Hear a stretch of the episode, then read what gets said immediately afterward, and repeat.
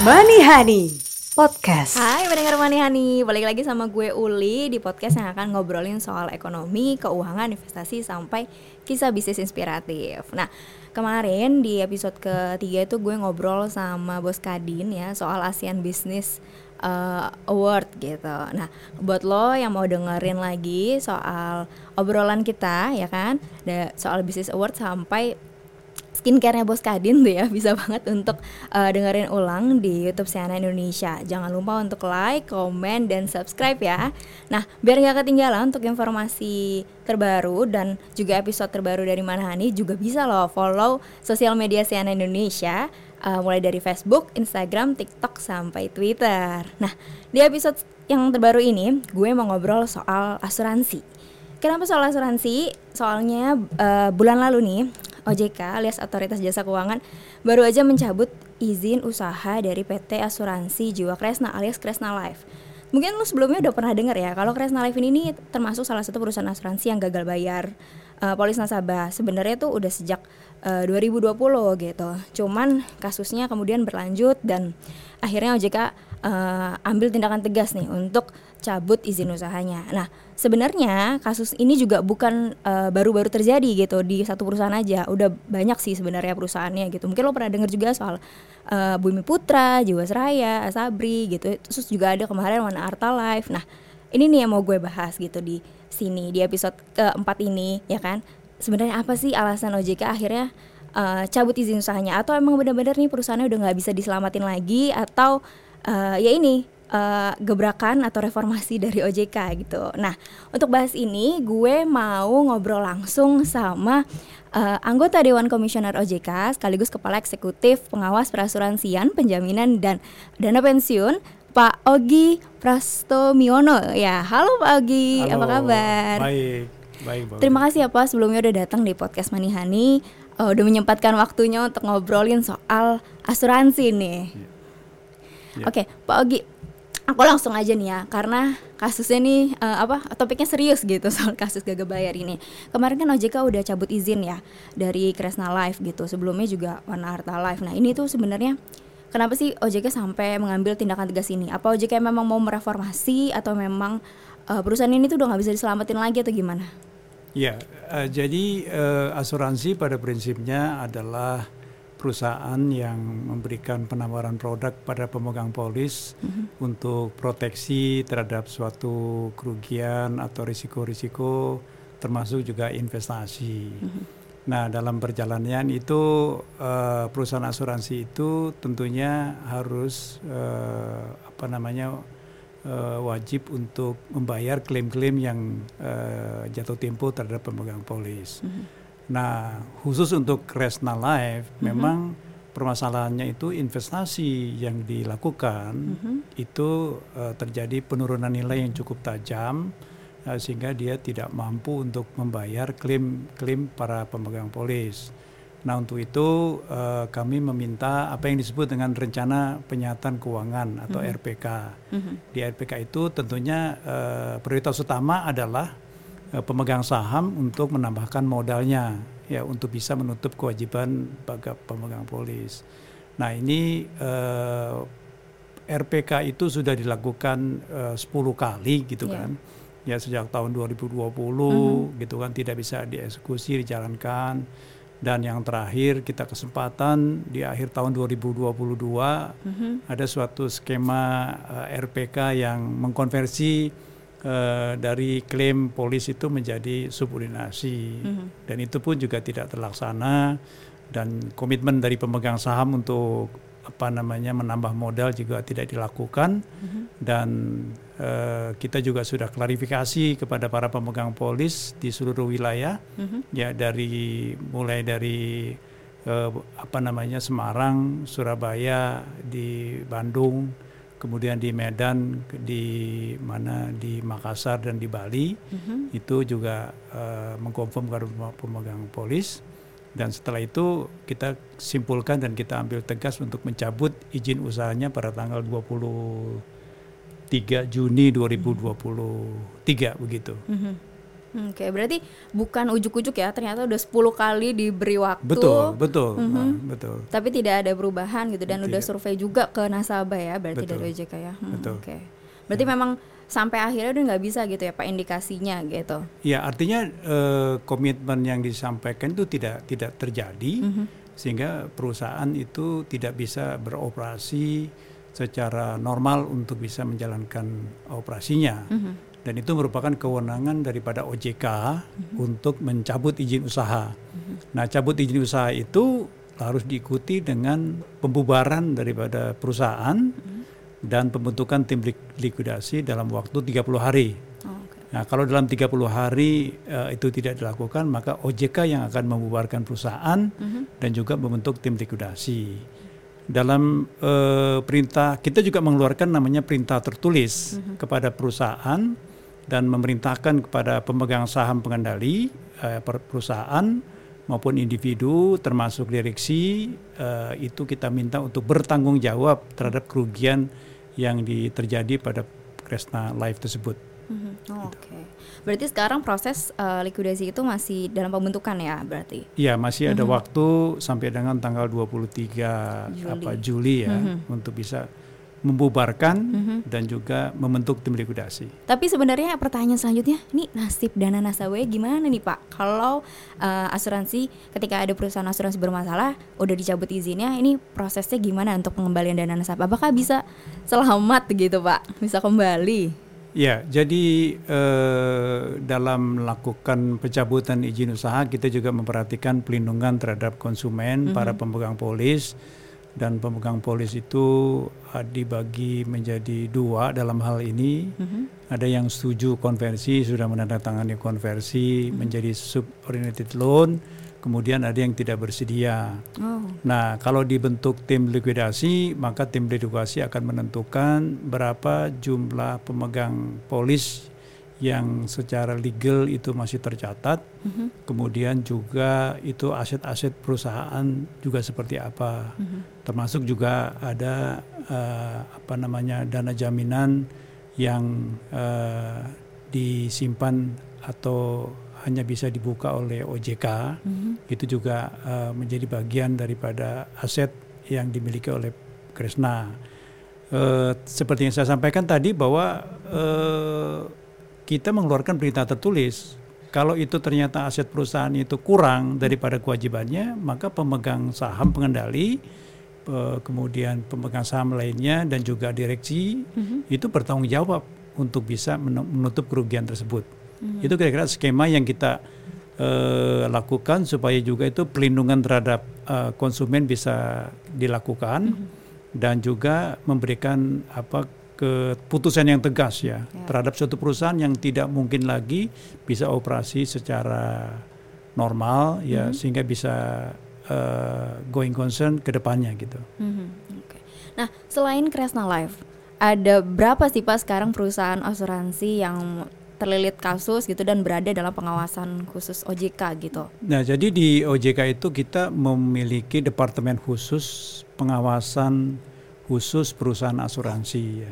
Jadi ada pengawasan normal, eh, pengawasan khusus. Ya, yang yang pengawasan khusus itu yang ditangani saat ini ada 11 perusahaan asuransi, di mana eh, dua itu sudah dicabut izin usahanya. Mhm. Ya karena sudah ini sudah dipublis yaitu namanya adalah apa namanya eh, asuransi eh, Warna Arta Life, Mhm. kemudian Kresna Life. Itu udah cabut izin, izin, izin usaha udah cabut. Ini kalau WAL sudah dalam proses likuidasi, Mhm. kalau yang Kresna tadi dalam pem- pembubaran dan pembentukan. Kan, mhm. Kemudian ada perusahaan yang sudah menyampaikan rencana penyihatan keuangan RPK. Mhm. Artinya OJK eh, tidak keberatan terhadap rencana penyihatannya. Mhm. Ini termasuk kelompok bank dalam penyihatan, Oh, eh bank asuransi dalam penyihatan.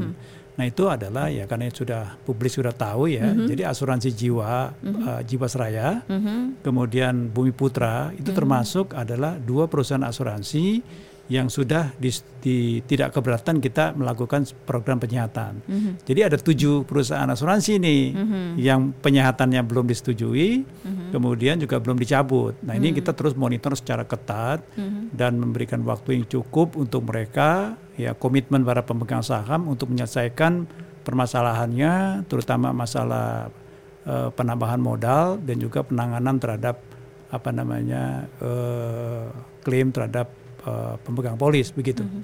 Berapa lama sih Pak eh, pemberian waktunya begitu? Jadi setiap ada pelanggaran yang dilakukan, kita tuh mengeluarkan yang namanya eh, surat peringatan Mhm. SP1 itu SP1 ke SP2 itu kira-kira enam bulan. Oh, Oke. Kemudian SP2 ke eh, SP2 itu enam bulan, Mhm. SP3 enam bulan. Mhm.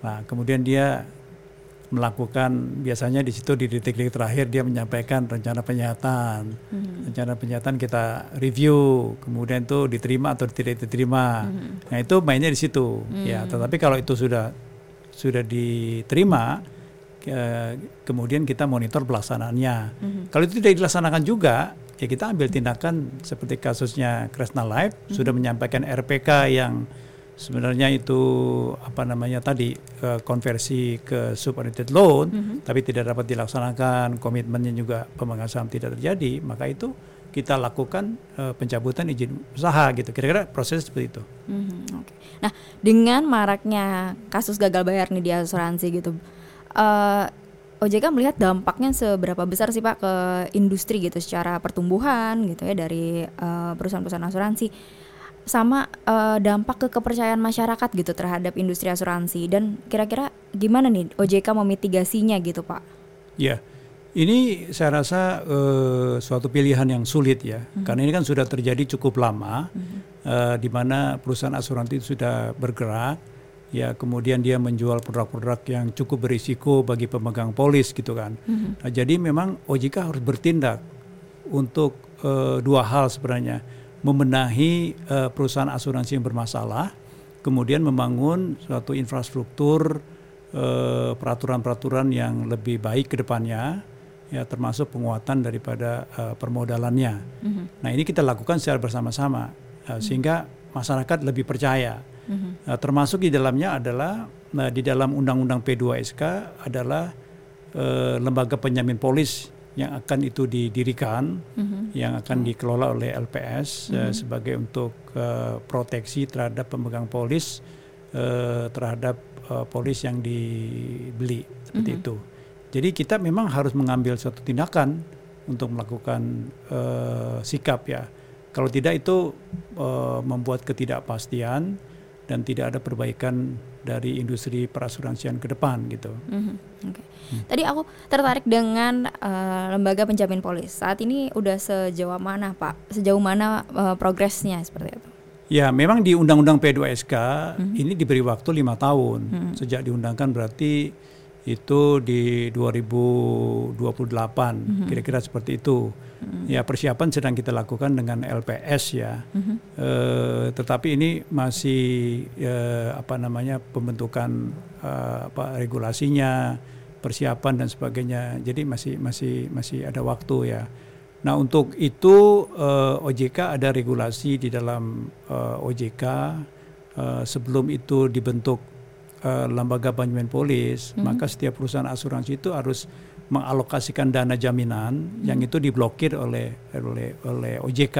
Itu sebagai apa transisi untuk sampai menuju adanya lembaga penjamin polis. Mhm.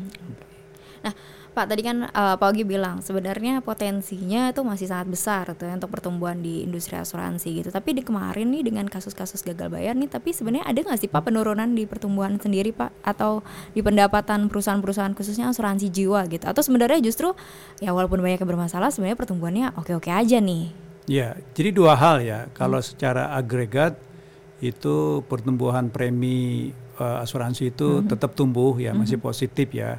Tapi kalau kita bagi dua antara pertumbuhan premi untuk asuransi umum dan asuransi jiwa, asuransi umum itu tumbuh ya cukup cukup baik gitu kan. Kemudian asuransi jiwa ini dampak daripada pembatasan untuk produk unit link atau Ya. PAID. Mhm. Nah itu memang kita mengeluarkan eh, SE OJK nomor 5 2022 di mana eh, itu proses eh, akuisisi penjualan produk asuransi unit link itu akan diperketat. Mhm. Ya termasuk itu harus ada konfirmasi, kemudian itu harus ada DV di apa direkam, ya termasuk juga produk-produknya tidak boleh menjanjikan produk-produk yang apa namanya yang tinggi gitu Oh, kan. tinggi Ya returnnya ya. dan eh, menjelaskan kepada pemegang polis nasabah, calon nasabah bahwa risiko nantinya kalau terjadi penurunan nilai investasi risikonya ada di pemegang polis. Nah ini kadang-kadang yang tidak dipahami. Kalau pro- produk yang konvensional, produk asuransi itu kalau terjadi penurunan itu tanggung jawabnya perusahaan asuransi. Tapi kalau untuk unit link, unit link kan ada dua dua ini, dua apa dua komponen, ada proteksinya, Ada ada, investasinya. investasinya. Investasinya yang paling besar, 90-an persen gitu kan. Nah, sedangkan proteksinya kecil. Nah, itu kalau terjadi penurunan investasi, tanggung jawabnya adalah dari pemegang polis. Nah, ketika itu turun, mereka baru kaget. Nah, risikonya risiko daripada pemegang polis. Eh, Baca aja itu perjanjian daripada Perjanjiannya. yang kecil-kecil gitu kan seperti gitu. Nah, gitu. Nah, karena Pak Ogi nyinggung soal unit link nih ya, uh, dengan banyaknya kasus gagal bayar ini kan memang bikin orang makin kritis gitu ya, khususnya dengan oh oke nih tadi tadinya tertarik dengan unit li- unit link jadi uh, konse- jadi apa ya, jadi benar-benar plotot ini soal unit link gitu ya, khususnya soal janji-janji imbal hasil yang tinggi itu. Nah, dari OJK sendiri tapi ada nggak sih Pak pengawasan khusus gitu, monitoring Uh, kalau bisa kalau ada perusahaan yang returnnya sampai segininya apa diubek-ubek juga sama OJK nih masuk akal nggak sih? Nih dia ngejanji return segini. Uh, atau ada edukasi lain gitu dari OJK ini ter- terkait dengan uh, imbal hasil yang terlalu tinggi ini gitu di produk unit link. Jadi ini harus dilakukan secara kombinasi ya. Jadi pengawasan prudensial terhadap eh, apa namanya kecukupan daripada perusahaan dari eh, manajemen risikonya, dari tata kelolanya, dari kecukupan modal, dari produknya dan sebagainya. Yang kedua adalah eh, dari sisi eh, pemasaran, ya penjualan ya. Pertama, apakah agen-agen penjual itu eh, sudah memiliki apa namanya pengetahuan pemahaman yang jelas ya untuk menawarkan kepada produk. Demikian juga adalah dari calon nasabah pemegang polis itu memahami itu seperti itu. Nah itu harus dilakukan secara eh, komprehensif semuanya itu ya. Nah eh, kemudian yang kedua adalah terkait dengan eh, apa namanya market conduct apakah eh, pemasarannya itu dilakukan dengan baik, iklannya itu diumumkan dengan baik, kemudian apakah agen-agennya menjelaskan dengan baik. Nah, jadi ada prudensial, pengawasan prudensial dan pengawasan market conduct. Yang nggak kalah penting adalah terkait program untuk edukasi, peningkatan literasi kepada masyarakat, pemahaman produk itu seperti apa. Kita tahu bahwa itu eh, perlu ditingkatkan masalah literasi mengenai produk-produk asuransi. Jadi kombinasi seperti itu. Dan yang paling penting adalah enforcement. Enforcement terhadap pelanggaran-pelanggaran tersebut. Ya, jadi OJK mempunyai kewenangan untuk memberikan denda dan sanksi.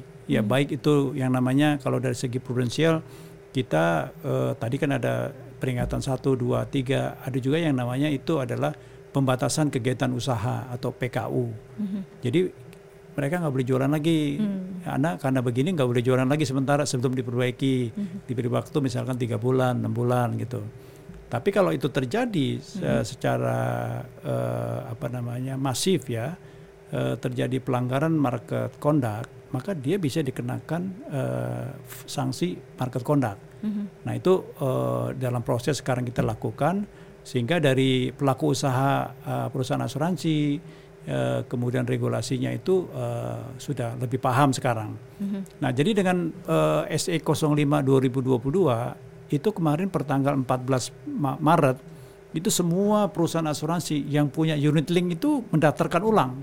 Lalu eh, kita teliti syarat-syarat untuk produk itu, kemudian bagaimana cara menjualnya sudah benar atau tidak. Dan dari eh, data yang ada, memang tidak semua perusahaan asuransi melanjutkan menjual produk unit link. Jadi sebagian tuh ada yang tidak lagi, eh, itu yang menyebabkan preminya itu eh, lebih turun sekarang ini. Oh, Oke. Nah, tadi kan eh, dari Pak Hogi nih udah ada nih mitigasi untuk eh, soal returnnya yang terlalu tinggi segala macam. Nah, dengan kasus-kasus ini kan pada akhirnya udah diselesain nih sama OJK gitu. Tapi nasib orang-orang asuransi ya, yang tadinya jadi bos-bos di asuransi bermasalah ini nih, ini gimana? Apa dari OJK kemudian akan ada kayak blacklist atau gimana nih, Pak? Ya, jadi eh, sanksi yang diberikan itu bisa diberikan kepada perusahaan asuransi, Mhm. juga bisa kepada individu, ya pejabat-pejabatnya itu bisa jadi dari pemegang saham, dari komisaris, dari direksi. Mhm. Nah, kita eh, bisa melakukan yang namanya PKPU ya, peninjauan kembali pihak utama. Mhm. Ya, atau bahasa ininya defeat and proper ulang gitu Oh, gitu. oh ya, fit and defeat proper. and proper ulang, kemudian melarang mereka untuk eh, menjadi pemegang saham, menjadi komisaris, menjadi direksi perusahaan-perusahaan asuransi, bahkan bisa mengeluarkan di sektor jasa keuangan. Oh. Nah itu jadi nggak boleh walaupun di asuransi dia nggak boleh jadi eh, direksi komisaris misalnya di bank atau di apa itu OJK eh, punya kewenangan itu. Mhm. Nah itu untuk mencegah mereka eh, yang dianggap apa namanya eh, tidak proper Hmm. untuk menjalankan bisnis tidak boleh lagi untuk eh, menjadi pihak utama istilahnya pihak utama di sektor jasa keuangan. Mhm. Oke. Nah jadi udah jelas nih ya dari produknya, dari pemainnya gitu, dari bis, dari industrinya semua nih udah di udah ada pengaturan dan pengawasan semua juga bahkan udah direformasi ya sama OJK. Kira-kira ada langkah ke depan apa lagi sih Pak Ogi? Nah ini yang penting. Mhm. Jadi kan tadi dua hal ya membereskan yang bermasalah, sikap yang tegas, kemudian yang ke depan seperti apa? Mhm. Untuk menata lagi yang di menata itu. Mhm. Nah yang pertama yang mungkin saya perlu sampaikan pada teman-teman semuanya adalah eh, peningkatan daripada permodalan. Oke. Jadi ini ekuitas untuk eh, modal untuk perusahaan asuransi sangat rendah. Asuransi konvensional itu 100 miliar. Mhm. Kemudian perusahaan asuransi syariah 50 miliar. Hmm. Idealnya? Nah, idealnya itu kita lihat Mhm.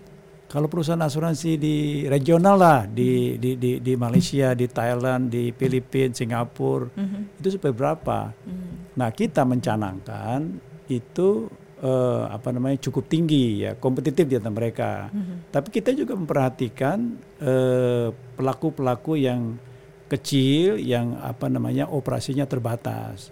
Nah, jadi dua hal yang kita lakukan sekaligus peningkatan modal, minimum eh, ekuitas, dan yang kedua klasifikasi perusahaan asuransi. Mhm. Jadi nanti akan ada ada kita atur ada dua eh, klasifikasi perusahaan asuransi. Kalau di bank ada KBMI 1, KBMI 2, 3, 4. Kalau kita nanti ada eh, klasifikasi perusahaan asuransi 1 dan 2. Nah, yang dua itu adalah yang besar, yang kira-kira kompetitif dengan dengan apa namanya dengan eh, pemain daripada regional lah gitu kan. Nah, kami mentargetkan itu satu triliun. Hmm, Oke. Ya, tapi tahunnya tahun 2028 kita akan canangkan seperti itu. Tapi kalau mau mau beroperasi secara terbatas di lokal dan sebagainya, kita akan apa namanya memberikan kesempatan modalnya tidak seperti itu. Eh, sekarang 100 mungkin kita naikin menjadi 250 atau 500 secara bertahap. Mhm. Nanti 2026 berapa, 2028 berapa. Jadi ada dua kelas dan eh, aktivitasnya akan berbeda dia idenya apa namanya eh, lingkup aktivitasnya. Itu yang kita akan lakukan dari segi permodalan. Kemudian dari segi yang kedua adalah re- regulasi yang terkait dengan tata kelola dan risk management. Mhm. Nah, risk management itu kita akan lakukan apa namanya eh, batasan tadi, eh, batasan eh, investasi pada pihak terkait, ya, yaitu kita kita kita akan batasi, eh, kemudian juga eh, adanya suatu perbaikan di internal perusahaan, ya ada namanya eh, aktuaris perusahaan, itu harus ada. Seperti investasi di sesama grup perusahaan Nah, itu, itu gitu. itu terafiliasi, itu, itu itu terkait, itu dibatasi nantinya. Oke. Nah, kemudian eh, apa namanya tadi adalah kewajiban adanya aktuaris perusahaan, yaitu menghitung berapa sih kewajiban daripada perusahaan asuransi itu kepada pemegang polis berapa. Mhm. Nah, sekarang itu ada ada 50 perusahaan asuransi yang belum memiliki aktuaris perusahaan. Nah, kemarin kita sudah perintahkan harus terpenuhi eh, eh, paling lambat 30 Juni. Nah, itu juga baru 20. Dari Ma- ma- masih 30. Lalu dia harus bikin action plan. Action plan hanya diberi waktu eh, sampai dengan akhir tahun 2023. Nah, kalau aktuarisnya itu tidak ada, ya terpaksa tadi sanksi yang kita berikan peringatan 1, 2, 3 sampai dia PKU, pembatasan kegiatan usaha. Nah, kalau tidak ada ya bisa ditutup atau diturunkan statusnya bukan perusahaan asuransi, jadi broker asuransi aja gitu misalnya. Tapi dari OJK monitor juga Pak secara Nah ini kan Internal. kita regulasinya kan kita baru wacanakan. Ya kita kan bicara dengan aso- asosiasi kan. Jadi ada asosiasi asuransi jiwa Indonesia AJI, AJI. ada asu- asuransi AAUI. asosiasi AUI, ada dari yang syariah, ada itu kita kita panggil ke mereka. Ini ada ada ini ma- masukan seperti itu. Tapi kelihatan sudah mengkerucut ya ke arah tersebut dan kita mentargetkan tahun ini POJK-nya akan keluar. Tahun ini ya. Tahun ini. Oke. Nah, dengan tadi nih eh, berbagai aturan reformasi pengawasan dan peraturan yang udah disiapkan oleh Pak Ogi dan tim nih di OJK, kira-kira ada prospek positif nggak sih kira-kira ke depan nih untuk pertumbuhan asuransi? Berarti Eh, saya secara pribadi pribadi sih sangat optimis ya mengenai eh, pertumbuhan eh, apa namanya asuransi di Indonesia ya karena memang penetration rate-nya masih sangat rendah ya potensinya besar. Nah di dalam undang-undang P2SK itu sudah ada amanat untuk membuat peraturan pemerintah mengenai asuransi wajib. Jadi asuransi wajib ada eh, itu menyangkut eh, kewajiban kepada pihak ketiga atau third party liabilities. Mhm. Contohnya misalkan, ini sekarang itu eh, mobil yang di jalan raya itu Mhm. dia tidak punya asuransi, nantinya akan diwajibkan. diwajibkan. Oh, oke. Misalnya gitu. Jadi pasar juga berarti. Jadi pasar ya? baru. Mhm. Jadi setiap mobil itu diasuransikan. Kalau kita mengasuransikan mobil itu kalau kita pinjam dari bank atau dari multi finance, Mhm. banknya mewajibkan "Ah, ini tutup asuransi ya. Ketika kita beli sendiri kita nggak nggak menutup dan tidak wajib. Mhm. Nah produknya sudah ada tapi eh, apa namanya karena tidak wajib ya tidak tidak orang belum tentu mau beli produknya. Mhm. Tapi kalau nanti ada peraturan pemerintah mengenai eh, asuransi wajib yaitu third party liabilities itu itu pasar akan berkembang. Ya eh, kemudian eh, misalnya gini eh, big event ada pertandingan-pertandingan eh, yang melibatkan massa banyak Mhm. pertandingan sepak bola ada konser dan sebagainya itu belum tentu ada asuransinya tapi risiko itu ada nanti Ya. akan diwajibkan itu seperti itu Oke. ya Eh, Per kapan tuh Pak? Nah ini jadi ada PP-nya dulu ada PP-nya peraturan pemerintah. Nanti kita keluarkan POJK-nya akan itu jadi wajib. Artinya kan nanti pertanyaan kembali ke pertanyaan tadi itu potensinya Potensi untuk pertumbuhan itu, ya. cu- cukup besar. Kemudian kalau dari segi data menunjukkan eh, kalau pendapatan per kapita naik itu asuransi juga naik. Hmm.